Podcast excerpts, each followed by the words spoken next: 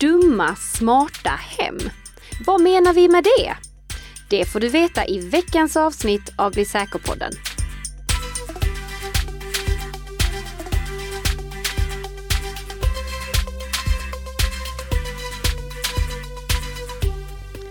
God morgon, god morgon Ika. God morgon, god morgon Tess. Jag hoppas att den här fredagen eh, inte bjuder på några hemska nyheter från natten som gått. Vi spelar ju in det här en dag i förväg. På, fredag, mm. på torsdags eftermiddag sitter vi och spelar in Bli säker-podden som vanligt som produceras i samarbete mellan Nika Systems och Bredband2. Förra veckan så fick vi ju bara slänga avsnittet vi hade planerat med anledning av eh, kriget i Ukraina. Och det här, det blir väl inte riktigt som det brukar. Det blir lite Ukraina-nyheter, men vi ska försöka att också väga in några av de andra sakerna i och med att eh, jag upplever själv att om någon undrar någonting kring säkerhet med anledning av kriget i Ukraina, då är det förra veckans avsnitt man lyssnar på i kombination med den dagliga rapporteringen som vi får från Ukraina. Ja, ja. Så äh, att vi väljer att prata om andra saker också, det är inte på något sätt för att förminska det som sker i Ukraina nu. Nej. Men jag har lite nyheter också som jag skulle vilja att vi bara smyger in här som uppföljning från förra veckans avsnitt. Och först och främst så är det en liten kommentar angående det vi diskuterade, du, du minns de här tio rekommendationerna från svenska myndigheter. De här säkerhetsåtgärderna. Exakt. Mm. Eh, det var eh, en som tyckte att det inte är rimligt att efterleva dem för mindre företag. Nej. Och jag kan hålla med, jag, jag, jag försökte poängtera att det här är någonting som är eftersträvansvärt för alla, men eh, jag kanske var för otydlig där. Så vi lägger med en sak till på den här listan över eh, rekommenderad läsning och det är MSBs rekommendationer för småföretag med upp till 10 anställda. Ja. Ifall någon eh, lyssnar på den här podden och vill ha rekommendationer som är lätta att ta till sig som egenföretagare, kolla på den listan från MSB. Sen så har vi för stora och medelstora företag också rekommendationer från amerikanska CISA. De eh, har ett, projekt som heter Shields Up med anledning av att vi ser de här attackerna nu, cyberattackerna pratar jag då om. Kolla jättegärna på Shields Up. Och avslutningsvis för alla organisationer, svenska CERT-SE som är en del av MSB, de vill få koll på all den ehm, DDoS-trafik eh, som sker, eller de vill få bättre insikt i de DDoS-attacker, alltså överbelastningsattacker som organisationer utsätts för och även nätfiskeattacker som organisationer utsätts för med anledning av ehm, det förändrade cybersäkerhetsläget. Så de ber nu att eh, alla organisationer som kan bidra med information kring detta, eh, som har blivit utsatta för phishing-attacker eller DDoS-attacker, rapportera in så mycket som möjligt till CERT-SE vilket ni då gör på adressen cert, stavat med c, cert.se. Mm, superbra. Du hade någon till eh, uppföljning va, från ett föregående avsnitt som vi har haft? Ja, det är uppföljning från avsnitt 153. Då pratade vi om DNS for EU, den här eh, europeiska DNS-tjänsten som jag eh, personligen inte tyckte tillförde sådär jättemycket.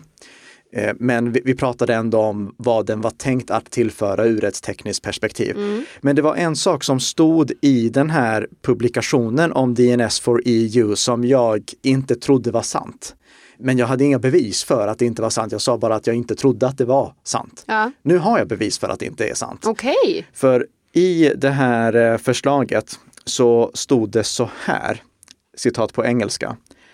As stated in the EU's cybersecurity strategy, citizens and organizations in the EU increasingly rely on a few public DNS resolvers operated by non-EU entities. Det var någonting som jag inte trodde på eftersom i EU så har väldigt många sin internetoperatörs DNS-tjänst. Det är den de använder i och med att det är den som de blir automatiskt tilldelad. Att många skulle själva har gått in och ändrat, det, det förefall för mig, föreföll för mig helt orimligt. Mm. Och nu har vi statistik från ICAN, du vet de som ligger bakom, eh, de som bestämmer IP-adressbanden i världen, de som bestämmer toppdomänerna i världen. Ja. De har publicerat en publikation där de kan konstatera att 87 procent av företagen och konsumenterna i Sverige använder den eh, DNS-tjänst som de har fått av sin internetoperatör. Okej. Så eh, det, det är inte ett problem att vi använder amerikanska DNS-tjänster i någon större utsträckning. Nej. Nej, det, det, det var bara, eh, nu, nu har jag bidragit med statistiken som styrker mitt påstående. Precis. Ja. Tack Nika.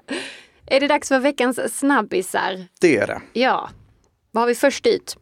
Först och främst så ska vi återigen stifta bekantskap med Deadbolt. Minns du att vi pratade om Deadbolt i samband med attacker mot eh, QNAP-nasar? Alltså sådana här nätverkslagringsenheter från QNAP. Ja. Det som vi pratade om då, det var att eh, Deadbolt utpressningskrypterade QNAP-nasar och sen så krävde de en lösensumma som vanligt för att återställa filerna. Men de gav också QNAP möjligheten att betala en större lösensumma för att få nyckeln som återställde alla drabbade kunders nasar. Exakt samma sak har nu upprepats för Asus Stores nasar. Eh, Deadbolt har attackerat dem och nu då krävt en lösensumma för att återställa de drabbade nasarna. Eller så kan Asus Store, som eh, grundades av Asus, eh, det är nu ett separat bolag, men Asus Store, det kommer liksom från Asus Storage. De kan köpa nyckeln som återställer alla drabbade nasar. Så det är fler ehm, modeller som faller offer för Deadbolts attacker. Men det som är anmärkningsvärt, det är sättet som de här nasarna har blivit infekterade. För när det gäller QNAPs nasar, då var vi ganska säkra på att de bara blev infekterade genom att användare hade exponerat dem mot internet, öppna portar i sin router så att de kunde komma åt sin NAS på distans. Men i rekommendationerna som Asus Store ger för att man ska skydda sin NAS, då nämner de specifikt att administratören ska stänga av EZ Connect, alltså EZ Connect. Det är en sån här molntjänst som Asus Store driver för att användare ska kunna ansluta till sin NAS utan att öppna portar i sin router. Eh, poängen med det, det är alltså att då tar NASen och ansluter ut till molntjänsten och användaren ansluter till molntjänsten också. Därigenom kan de träffas på molntjänsten och det behöver inte öppnas några portar i routern för att användaren ska kunna komma åt sin NAS över internet. Men i och med att de säger det så hävdar de ju också att då har det gått att attackera de här NASarna via deras molntjänst. Aha. Vi har inte fått all dokumentation kring vad det var för sårbarhet som eh, orsakade det här massiva utpressningsutbrottet. Men i och med att de nämner det specifikt, då tolkar jag det i alla fall som att det fanns en sårbarhet. Och det är någonting som förändrar läget radikalt. För då har inte NASens administratör behövt exponera NASen mot internet för att den skulle kunna bli infekterad. Nej. Så det, det, det öppnar liksom en hel del nya risker. Mm. Utöver eh, att då eh, eh, stänga av den här tjänsten i Z-Connect så vill jag poängtera stäng av UPnP också. Det har vi sagt några gånger tidigare i den här podden. Och öppna inte några portar till eh, din eh, NAS om du inte verkligen behöver det och är helt säker på vad du gör. Det finns mer information om eh, vad man kan göra som drabbad på Asus Stores webbplats.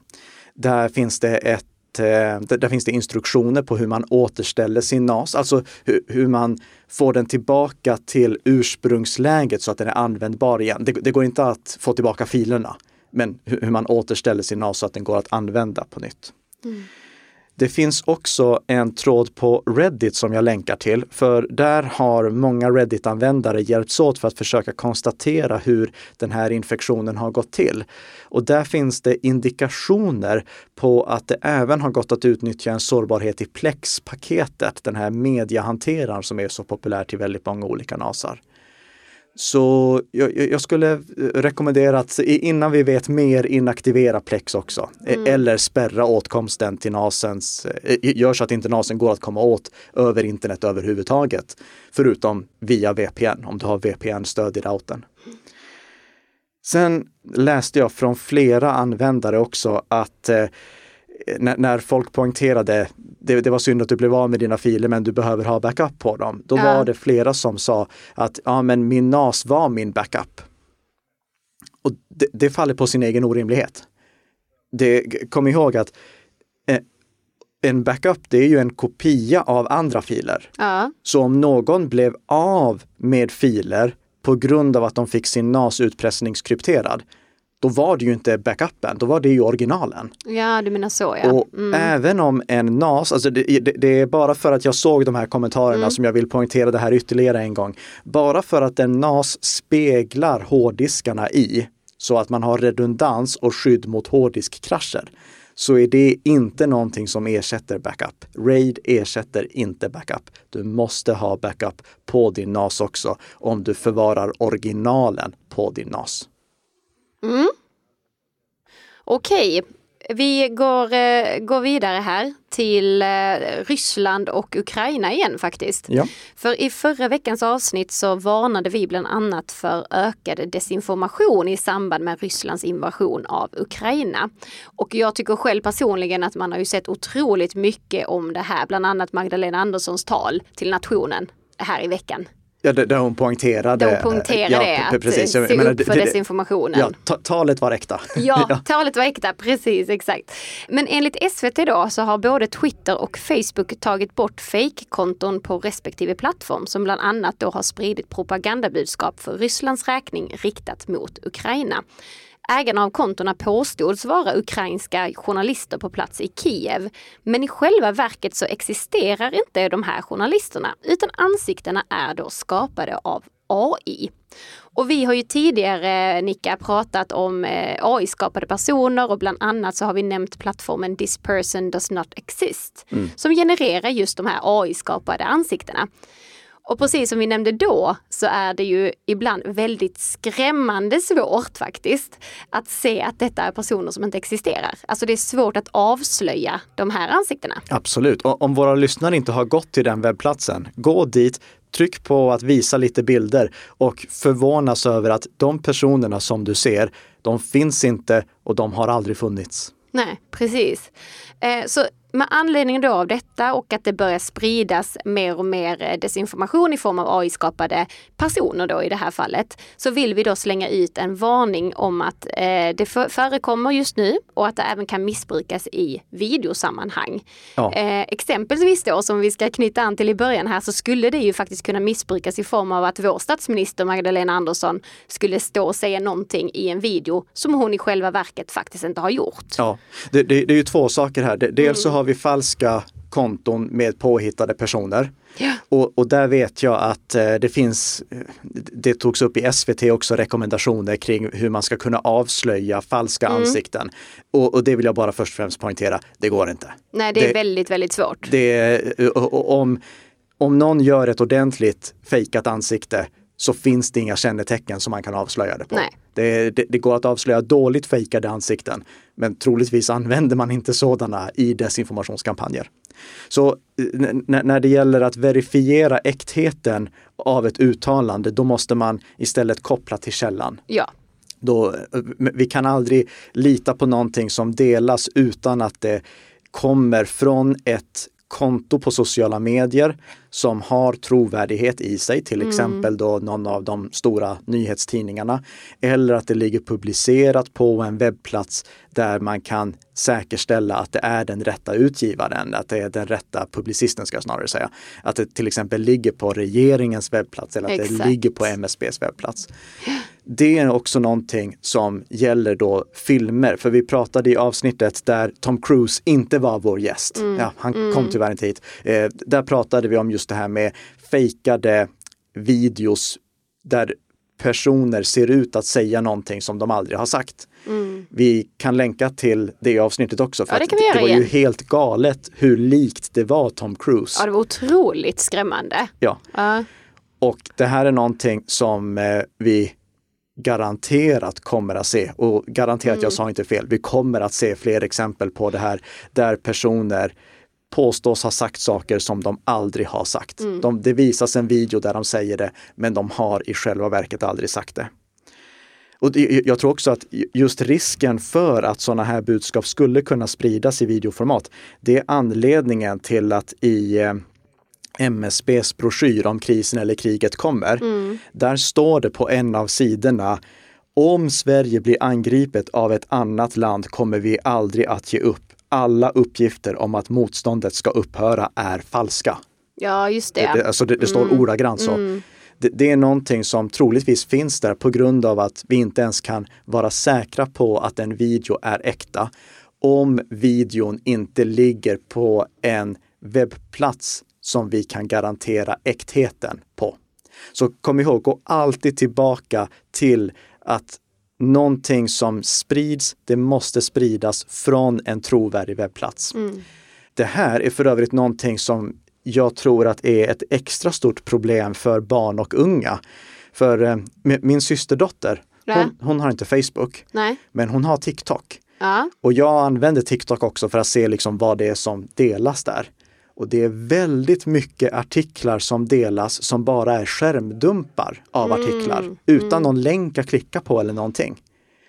Och om vi får en generation som växer upp och som litar på skärmdumpar av artiklar, då har vi ett stort problem för att allting kan nu fejkas. Mm. En gång i tiden, då var fotobevis, det var länge sedan i och med att vi började photoshoppa foton. En gång i tiden var videobevis, det är det knappt längre, utan nu måste vi alltid bara ha publiceringen som ett trovärdighetsankare. Vilken webbplats det ligger publicerat på, det är det trovärdighetsankare vi kan ha. Ja. Och då måste det finnas en länk. Precis, mm. absolut. Okej, sista nyheterna Nicka. Ja, och det gäller skadeprogram i Microsoft Store. För en artikel som Checkpoint Research publicerade visade att det i Microsoft Store fanns flera spel som i själva verket var trojaner. Alltså det såg ut som spel, mm. det var spel, men det innehöll också en skadlig komponent. Det var bland annat Temple Run, minns du det här mobilspelet som för tio år sedan var jättepopulärt? Ja, jag, jag har själv aldrig spelat det men jag har sett andra som gjort det. Ja, precis. Mm. Eh, Temple Run och Subway Surfer, det, det var två sådana spel som eh, låg i Microsoft Store under lite andra namn som innehöll en eh, skadlig komponent också. 5000 datorer visade sig ha infekterats av eh, de här spelen och Sverige var ett av de mest drabbade länderna. Det var Sverige, Bulgarien, Bermuda och Spanien som var de mest drabbade länderna. Mm. Så det, det, är en av anledningarna till att jag vill lyfta upp det.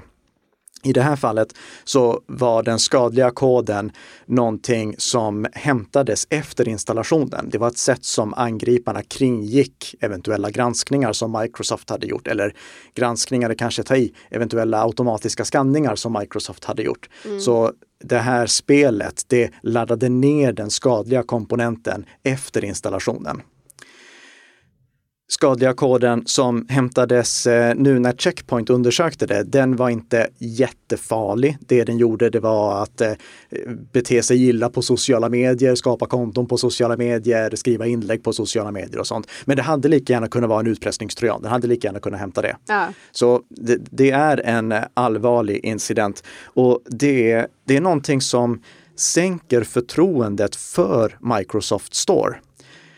Jag tror att det här dessutom är en lite illavarslande trend för Microsoft Store.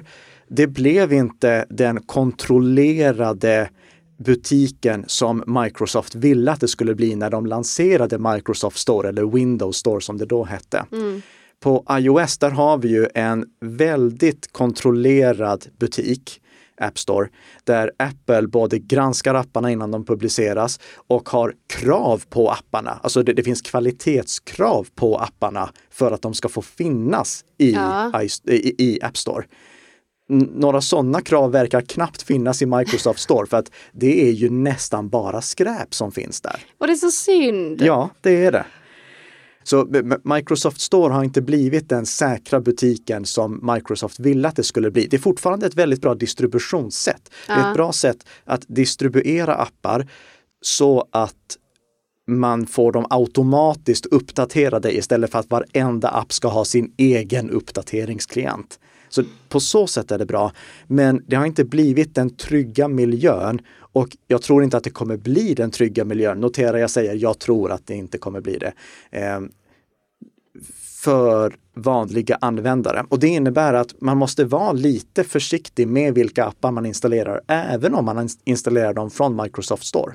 Mm. Och det jag skulle rekommendera att man gör i det här fallet, det är att om man letar efter en app i Microsoft Store då ska man inte ta första bästa app som verkar ha ungefär samma namn som den man letar efter, utan man måste säkerställa att appen verkligen är publicerad i Microsoft Store. Mm. För det är väldigt många appar som inte finns där. Till och med vissa av Microsofts appar som inte finns där.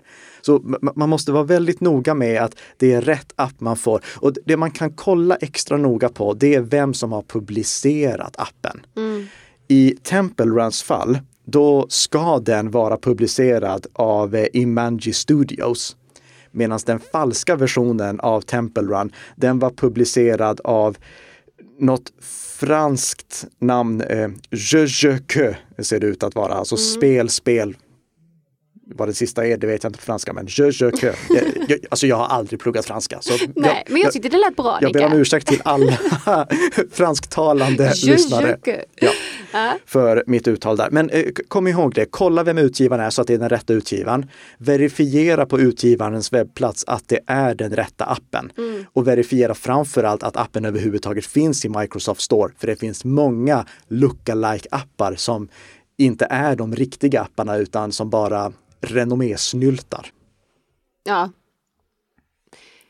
Okej, då är det dags för veckans huvudämne och vi ska prata om dumma smarta hem. Det ska vi. Ja. För jag upptäckte att det var tre år sedan vi gjorde det senast. Det är så länge sedan. Ja.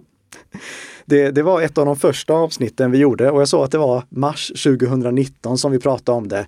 Och nu är det dags att vi återvänder till det här med dumma smarta hem med anledning av någonting som D-Link har gjort. Du vet nätverksjätten mm. D-Link. Mm. De sällar sig nu till skaran av eh, smarta hemprodukttillverkare som inte tar ansvar för sina produkter i långa loppet. Okay. Där har vi redan till exempel Vattenfall. Vattenfall gjorde en satsning på smarta hemprylar. Men sen beslutade de sig för att nej förresten, vi lägger ner det här. Mm. Och det som hände då, det var att de som inte precis hade köpt produkterna, de fick eh, till exempel smarta hemströmbrytare som inte kunde göra någonting. Ja, bara det. plastskräp. Ja. Ehm, när eh, Nest förvärvade en eh, annan sån här smarta hemaktör. Nest det är alltså ett bolag som ägs av eh, Alphabet, de som också äger Google. Ja, många turer här. Ja, precis. Mm. Men när Googles Nest kan vi säga, okay. när de förvärvade en, vad, vad hette den nu, Revolve någonting, hette den, Revolved, något sånt. Ja. De köpte upp den och så la de bara ner den. Mm. Mm. mm. Och nu så har då D-Link gjort ungefär samma sak. I ehm, för eh, ska säga, 2014, 2015 någon gång, då lanserade de ett produktkoncept som de kallade My D-Link Home, mm. vilket inte ska förväxlas med My D-Link. För My D-Link Home och My D-Link hade inte någonting med varandra att göra. Nähä. Logiskt nog. Ingenting alls? Nej. Okej, okay. nej. och, och, det är tur för att ni, ni, som har, ni lyssnare som har saker som bara heter My D-Link, mm. ni påverkas inte av det här utan det är ni som har My D-Link Home som drabbas av det som jag kommer säga nu. Okej. Okay. För My Home, det lanserades då 2014-2015. 2015 då lanserade D-Link en controller, en hubb, alltså eh, liksom hjärnan i ett smart hemsystem. Mm. Och ett gäng olika tillbehör. De här tillbehören, de var antingen anslutna via wifi så att de inte behövde gå via hubben eller via Z-Wave så att de gick via hubben. Och Z-Wave, det är ju ett av de här smarta hemprotokollen som vi använder för kommunikation inom det smarta hemmet, framförallt i större smarta hem. Eh, hemma hos mig så går alla strömställare, du vet de här lampknapparna jag har på väggarna, ja. allt det går via Z-Wave. Ah, Okej, okay, så du har verkligen så installerat ja. Eh, ett helt nytt system? Precis. Ah. Det är, eh, allting är automatiserat bakom strömställarna. Ah, okay. Och det kommunicerar via Z-Wave med en controller. Inte D-Links controller, men motsvarigheten mm. till den. Mm. Och så hade de lite kameror och sånt också. Men eh, i november 2020, fem år efter att det lanserades, då la eh, D-Link ner allting. Det slutade förse produkterna med säkerhetsuppdateringar. Och nu tidigare i år, då meddelar de att vid årsskiftet, då stänger de ner molntjänsten som allt det här förlitar sig på. Jaha, mm. bara sådär? Ja. Så jag fick för någon vecka sedan nu ett mejl och där står det så här på engelska och jag tänker faktiskt läsa en ganska betydande del av det mejlet. Mm. Det, det, finns publicerat som helhet i våra show notes också såklart. Det börjar så här. Dear my D-Link customer. As D-Link continues to refocus on developing products and solutions that provide our customers with the most value and highest security, we are announcing the end of My D-Link Home and My D-Link Baby Monitor cloud services. On December 30th, 2022, we will shut down the cloud services for My D-Link Home and My D-Link Baby Monitor devices. Users of the My D-Link Home and My D-Link Baby Monitor apps will no longer be able to sign in via these apps, and all services, including but not limited to remote viewing, management, and setup, will be discontinued for products associated with the My D-Link Home and My D-Link Baby Monitor apps and cloud services. Thank you for using our services. D-Link Customer Service. Vad tyckte du om det då? Jag tyckte det var oförskämt. yes. Ja, det är liksom tack för att du använder våra tjänster, men för att vi ska fokusera på att utveckla bättre lösningar och säkrare lösningar som förser er kunder med bättre värde, mm. så lägger vi ner det ni har köpt. Ja, ja den är tråkig. Ja, mm. för det är det som händer nu. Mm. De här produkterna, de blir plastskräp i samband med årsskiftet. Ja, det, ja, det, känns, det känns sådär ju. Ja. Mm, thank Men, you for using our services. Men det är det enda valet som finns alltså? Alltså när man gör så här, att man stänger ner det? Ja, det, det, det som går att göra som vanlig användare här, mm. Eh, det är i och med att några av prylarna kommunicerar via Z-Wave mm. och Z-Wave är någonting som är standardiserat, så kan en användare behålla de här komponenterna ifall han eller hon hittar en annan hubb som är kompatibel med dem. Ah, okay. Och till exempel Atom Homey som är en väldigt populär sån hubb nu, den är kompatibel med Z-Wave-prylarna. Mm. Så då kan man byta, upp, byta ut själva hubben och det blir inte problematiskt ur ett säkerhetsperspektiv eftersom det bara är hubben som är exponerad mot internet de enskilda detektorerna, de är inte exponerade mot internet. De kommunicerar med Z-Wave inne i nätverket, i, i, förlåt, inne i hemmet. Men de går inte att nå över internet. Så mm. så länge som hubben, kontrollen, är uppdaterad och säker, då går det att fortsätta använda den här lösningen. Mm, det skulle kunna upptäcka sårbarheter i detektorerna och de kommer ju inte längre få säkerhetsuppdateringar från D-Link. De kommer troligtvis inte ens gå att uppdatera via någon annan controller än MyD-Links ifall MyD-Link nu hade släppt, eh, ifall D-Link hade släppt mm. uppdateringar. Men om det finns en sårbarhet som går att utnyttja i kommunikationen inne i hemmet, då måste det ju göras av en angripare som är antingen i hemmet eller åtminstone nära hemmet. Mm det, det, drar ju ner liksom riskerna. Ja, det. Det, när det inte går att attackera hemmet på distans över internet. Ja. Så det vi får eh, tänka på här, det är väl egentligen att när vi, skaff, när vi skaffar smarta hemprylar, då ska vi välja smarta hemprylar som eh, kommer från tillverkare som tar sitt ansvar mm. för att underhålla sakerna länge. Men sen gärna också som fungerar med flera olika controller. Framförallt ifall vi liksom vill bygga ett väldigt stort smart hem, inte bara ha en enskild fjärrströmbrytare som vi vill kunna slå på och av med mobilen, utan att ha det hela automatiserade hemmet som jag beskriver att jag har i avsnitten som vi länkar till i våra show notes.